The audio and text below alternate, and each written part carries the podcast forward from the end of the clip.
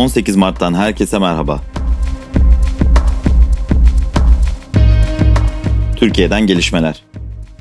Resmi ziyaret amacıyla Ankara'da bulunan Kazakistan Dışişleri Bakanı Muhtar Tiluberdi ile Cumhurbaşkanlığı Külliyesi'nde bir araya gelen Dışişleri Bakanı Mevlüt Çavuşoğlu, Yunanistan Dışişleri Bakanı 14 Nisan'da Türkiye'ye gelecek dedi.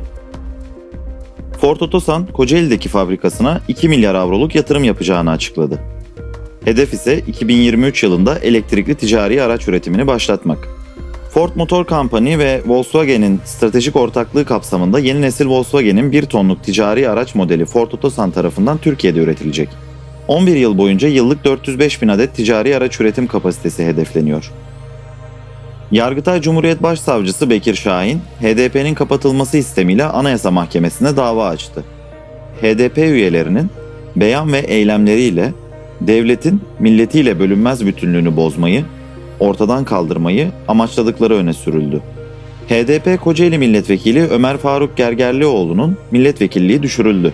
HDP Kocaeli Milletvekili Ömer Faruk Gergerlioğlu'na terör örgütünün propagandasını yapmak suçundan verilen 2 yıl 6 aylık hapis cezasına yönelik karar mecliste okundu. Kararın mecliste okunması sonrası Gergerlioğlu, "Milletimin kalbindeyim, milletimin bağrındayım, hiçbir yere gitmiyorum." dedi. CHP Grup Başkan Vekili Özgür Özel Twitter hesabından HDP Kocaeli Milletvekili Ömer Faruk Gergerlioğlu'nun vekilliğinin düşürülmesi hukuksuzdur. Yasama organının bu hukuksuzluğa bir kez daha alet edilmesi kabul edilemez. TBMM Başkanlığı Enis Berberoğlu kararında yaptığı hatayı kasten tekrarlamaktadır. Hashtag Gergerlioğlu yalnız değildir mesajını paylaştı. Boğaziçi Üniversitesi'ndeki Şahmeran figürlü LGBTİ artı bayraklı Kabe görseli soruşturmasında 7 öğrenci hakim karşısına çıktı. Tutuklu bulunan Doğu Demirtaş ve Selahattin Uğuzeş ilk duruşmada tahliye edildi. Mahkeme ayrıca 7 öğrencinin de duruşmalardan vareste tutulmasına karar vererek duruşmayı 5 Temmuz'a erteledi. Dünyadan gelişmeler Avrupa'da AstraZeneca aşı krizi devam ediyor. İtalya ve Fransa'nın liderleri Mario Draghi ile Emmanuel Macron ilacın kullanımına devam etmek için Avrupa İlaç Ajansı'nın yeşil ışık yakmasını bekliyor. Avrupa İlaç Ajansı kesin kararını perşembe günü yayımlayacak. Kurum aşının faydalarının risklerinden fazla olduğundan sıkça söz etti. İtalya Başbakanı Draghi ise bu açıklamaları cesaret verici bulduğunu aktardı. ABD merkezli ulaşım ağ şirketi Uber, Birleşik Krallık'taki 70 bin sürücüsüyle sözleşmelerini yeniden tanımlıyor. Mahkeme kararıyla taşeron çalışma tarzından vazgeçmek zorunda kalan teknoloji devi, çalışanlarına asgari ücret, tatil ücreti ve çeşitli sosyal haklar sağlayacak. Geçtiğimiz ay Birleşik Krallık Yüksek Mahkemesi akıllı telefon uygulaması üzerinden taksi hizmeti veren şirket sürücülerin taşeron olarak değil, şirketin çalışanları olarak gösterilmesi gerektiğine karar vermişti. Şirketin yalnızca Londra'da 45 bin sürücüsü bulunduğunu belirtelim. ABD Başkanı Joe Biden, Rusya'nın ABD seçimlerine müdahale ettiği iddialarına ilişkin soruları yanıtladı. Başkan Biden, Rusya Devlet Başkanı Vladimir Putin'in katil olduğunu ve ABD seçimlerine müdahale ettiği için bedel ödeyeceğini söyledi.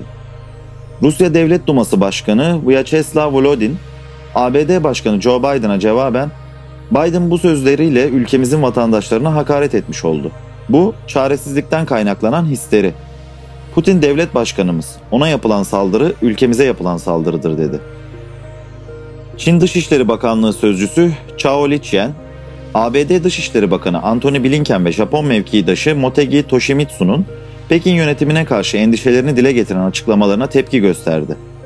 Washington ve Tokyo'yu ülkenin iç işlerine müdahaleyi bırakmaya çağırdı.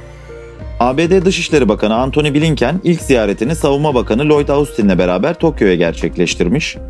Çin'i baskı ve saldırganlığa başvurmaması konusunda uyarmış.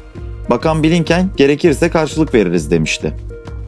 Avrupa Birliği ülkeleri Çin'in Sincan Uygur Özerk Bölgesi'nde Uygur Türklerine yönelik baskılar ve insan hakları ihlalleri sebebiyle Çin'den bazı yetkililere yaptırım uygulaması hususunda el sıkıştı.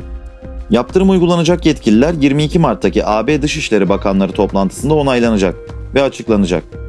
Bu yaptırım Avrupa'nın geçtiğimiz 30 yıl içinde Çin'e uygulayacağı ilk yaptırım olacak.